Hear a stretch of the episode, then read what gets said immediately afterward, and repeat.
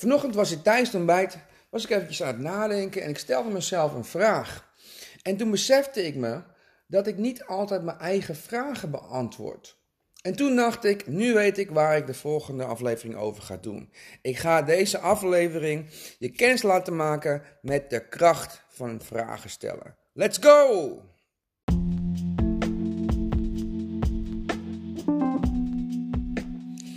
Yes, welkom, welkom, welkom bij weer een nieuwe aflevering van de Daily Show. Mijn naam is Jeromo en ik ben life coach en de oprichter van Max Your Life Today. Een ecosysteem voor persoonlijke transformatie. Hey, en vandaag gaan we het hebben over de kracht van vragen stellen. Maar eigenlijk beter gezegd, iets wat ik noem focus questions. Maar laat ik beginnen met het, uh, het voorbeeld wat ik net noemde in de intro.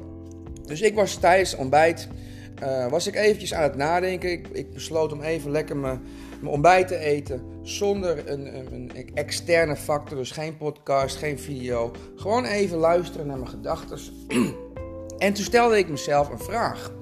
En die vraag had ik net aan iemand anders gesteld op uh, social media. En de vraag was: hoe kan jij in zo min mogelijk tijd zoveel mogelijk impact creëren?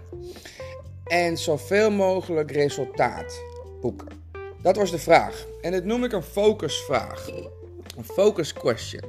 En de reden waarom ik het een focus question noem, is omdat die vraag zo ontworpen is om jouw focus op een bepaald antwoord te richten. dus ik heb in die vraag heb ik een aantal voorwaarden uh, benoemd. Dus hoe kan jij in zo min mogelijk tijd, dus de voorwaarde is, het mag zo min mogelijk tijd kosten. Zoveel mogelijk impact. Dus het moet wel een grote impact hebben op hetgene wat jij wil bereiken. Met zo min mogelijk moeite. Dat is ook weer eentje. En toch het beste resultaat, dus kwaliteit. Dus dat zijn de voorwaarden die ik heb gesteld aan het antwoord dat ik wil op deze focusvraag. Dus dat is waarom ik het een focusvraag noem. Want focusvragen of vragen überhaupt zijn uh, manieren waarop je, je gedachten kunt focussen. Dus dat is een focusvraag. Nou, laat ik teruggaan naar de reden waarom ik mijn eigen vraag niet beantwoordde. Want dit besefte ik me dus. Het was een te lastige vraag en ik had er gewoon geen zin in om over het antwoord na te denken. En toen dacht ik, ha, dat is grappig. Want als iemand jou de vraag zou stellen, echt fysiek en persoonlijk, dan zou je wel moeten antwoorden. Dat is waarom een coach af en toe zo, zo handig is. Hè? Want dan zit die coach en die stelt je de vragen die je zelf misschien niet wil afstellen. Of die je niet wil beantwoorden. Maar ja, als iemand je die vraag stelt, ja, dan moet je wel antwoorden. Dan moet je er wel over nadenken. Maar dit doe je dus niet altijd met je eigen vragen. Dat besefte ik althans. Dus een van de trucjes die je daarop kan toepassen is dus journalen. Want journalen, dus je vraag en je antwoord opschrijven, is eigenlijk een soort gesprek met jezelf. En zo kun je het ook inzetten. Je kunt journalen op heel veel verschillende manieren inzetten. Maar in deze eh, context gaan we het eventjes gebruiken om een vraaggesprek met jezelf te houden. Dus dan pak je gewoon een, een groot papier of een journal. En dan stel je jezelf gewoon de vraag. En heel vaak zul je merken dat er daarna weer een vraag komt. Of dat je jezelf weer een vraag hoort stellen. Schrijf je die ook weer op. En op een gegeven moment kom je op het punt dat je denkt van oké, nou, wat, ja, wat is het eigenlijk? Of wat, wat is het antwoord eigenlijk op deze vraag? En dan ga je gewoon opschrijven. En je zult zien dat je dan gaandeweg een soort gesprek met jezelf gaat voeren. En dat je dus zelfstandig tot inzichten kunt komen.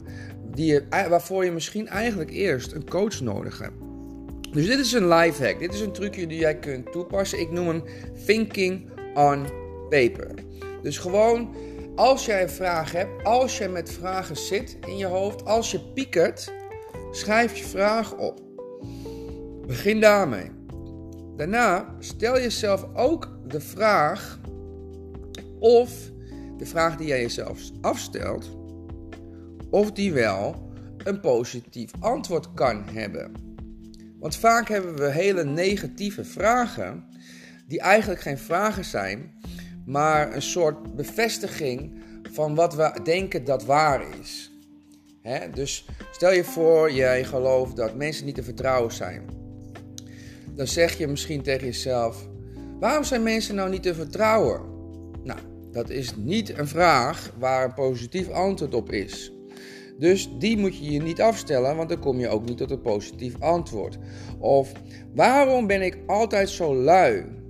Dat is ook niet een heel goed, een hele goede vraag. Daar kun je vast ook een hele andere, een hele ander antwoord, of sorry, een heel andere vraag voor bedenken. De toon is ook heel belangrijk, want je hoort het al in deze twee voorbeelden. Was het of een oordelende toon, over jezelf oordelend. Of een, toon van een verklaring of een statement. Het is, een, ehm, het is niet een vraag, het is eigenlijk gewoon meer een, een, een, een, statement. Ik ben even het woord kwijt in het Nederlands.